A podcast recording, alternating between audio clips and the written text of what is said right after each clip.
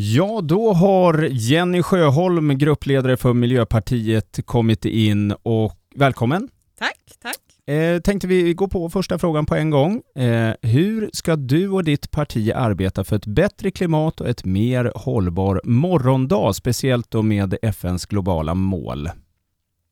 Först måste vi vara överens om att klimatkrisen är ju här och nu. Det är ju inget som kommer längre fram, den är ju redan ett faktum. Och då måste vi jobba för att kommunen blir mer handlingskraftig.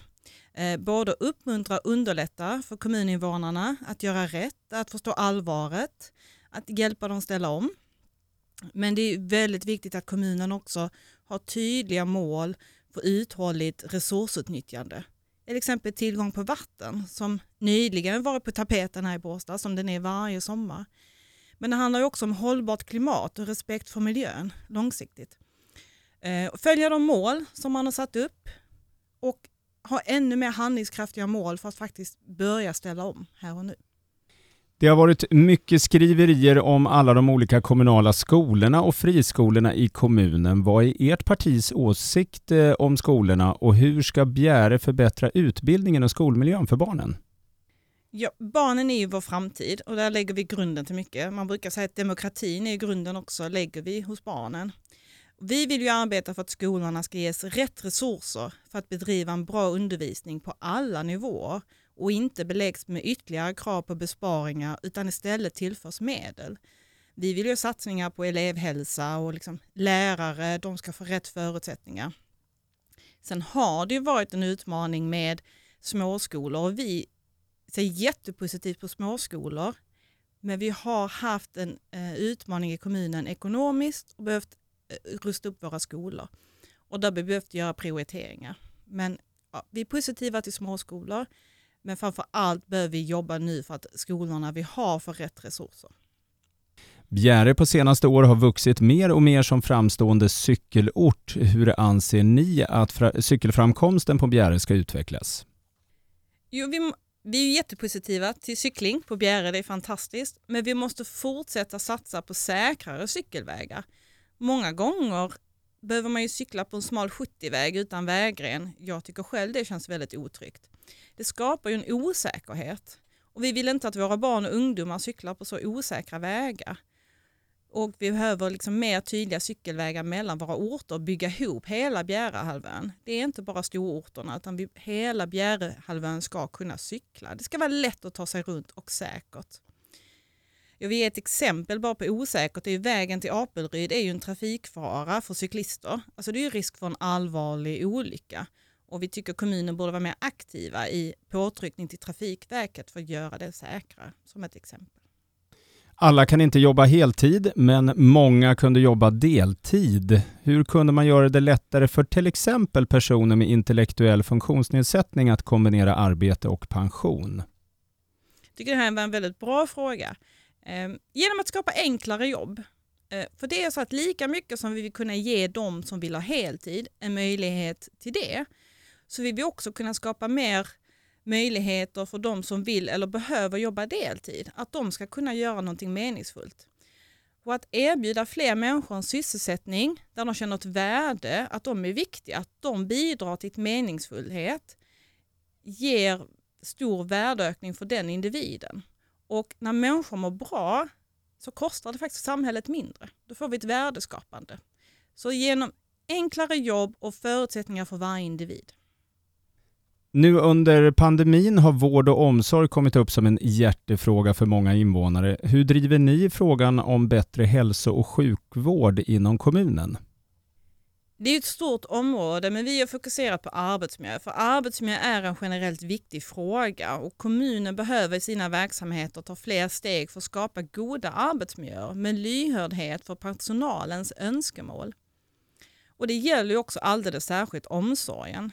Att kunna påverka sin arbetsmiljö och arbetssituation ger många vinster både för individen och arbetsplatsen.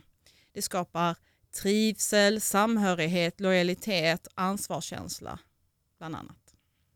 Sammanhängande med förra frågan, seniorer och äldre, hur arbetar ni med, eller mot en bättre livskvalitet på våra säbo? Vi har tagit upp i vårt valmanifest faktiskt att vi vill jobba för hälsofrämjande aktiviteter för äldre. Det handlar om att kunna vara sociala, de har olika förutsättningar, men det ska finnas ett socialt liv, kunna röra sig efter förmåga och också bibehålla kulturen som är väldigt viktig. Trygghet och säkerhet har blivit ett större bekymmer för människor. Hur ska ert parti se till att trygghetskänslan ökar i Båstad kommun? Det handlar först och främst om att undersöka vad det beror på. Är det en upplevd otrygghet eller är det en reell otrygghet? Och jag, vi värderar inget mer värt än något annat. Båda sakerna behöver vi titta på. Men genom att veta vad det är kan vi också sätta in rätt insatser och åtgärder. Och Det är viktigt att vi alla känner oss trygga. Och Ett första steg är just att prata om det. Inte att anklaga utan att vi pratar om vad som är grundorsaken och vi jobbar med lösningar utifrån det. I och med valet 2018 är Båstad bland de sämsta kommunerna i landet när det gäller jämställdhet i kommunfullmäktige. Bara 29 procent är kvinnor. Hur ska ni se till att fler kvinnor väljer att göra sin röst hörd inom politiken? Ja, vår lista består av åtta kvinnor av nio personer så vi tycker väl vi bidrar väldigt mycket till det här. Eh, men det handlar mycket om att synliggöra politiken, att bjuda in till dialog, att göra det möjligt för nya att vara med som ersättare till exempel för att så sätt lära sig. Men det handlar lika mycket om att ha ett klimat i fullmäktige och våra nämnder som gör, gör att det känns okej okay att vara ny. Alltså det är okej okay att gå upp och göra sin röst hörd för första gången. Man behöver inte vara fullärd. Eh, det, det tycker jag är viktigt, att det är okej okay att vara ny. Och vi behöver släppa in nya människor. Vi måste skapa mångfald. Man måste jobba för detta aktivt. Eh, det handlar både om kvinnor och eh, kanske födda i Sverige och liknande. Enligt tidningen Fokus lista Bäst kommun att leva i hamnade Båstad år 2020 på plats 44. År 2021 hamnade Båstad på plats 128. Hur förklarar ni detta? Ja, det var Tittar man på den listan och den undersökningen så är det otroligt många parametrar de har tittat på. Så vi har verkligen försökt titta på detta. Men vi tror i grund och botten att det handlar mycket om besparingar har gjorts på flera områden. Självklart bidrar det. Ser vi inom miljön så är det kommunen har ju dragit in tjänster som arbetat med utveckling och miljöstrategier och enligt Agenda 2030 och det har ju kommunen dragit in. Vi har haft försämrade miljösatsningar vi har haft fokus på att växa men infrastrukturen har inte riktigt hängt med. Eh, vi har brister i satsning på kultur och fysisk miljö. Och vi upplever också att kommunala funktioner blivit mer slutna, att demokratin har försämrats. Och det är en del av det också att vi har mindre kvinnor i kommunfullmäktige. Eh, så det är väl en del av varför vi har tappat. Sista frågan. Eh, det är barn som har fått möjlighet att ställa en fråga. Det är, vi kallar den för förskolefrågan.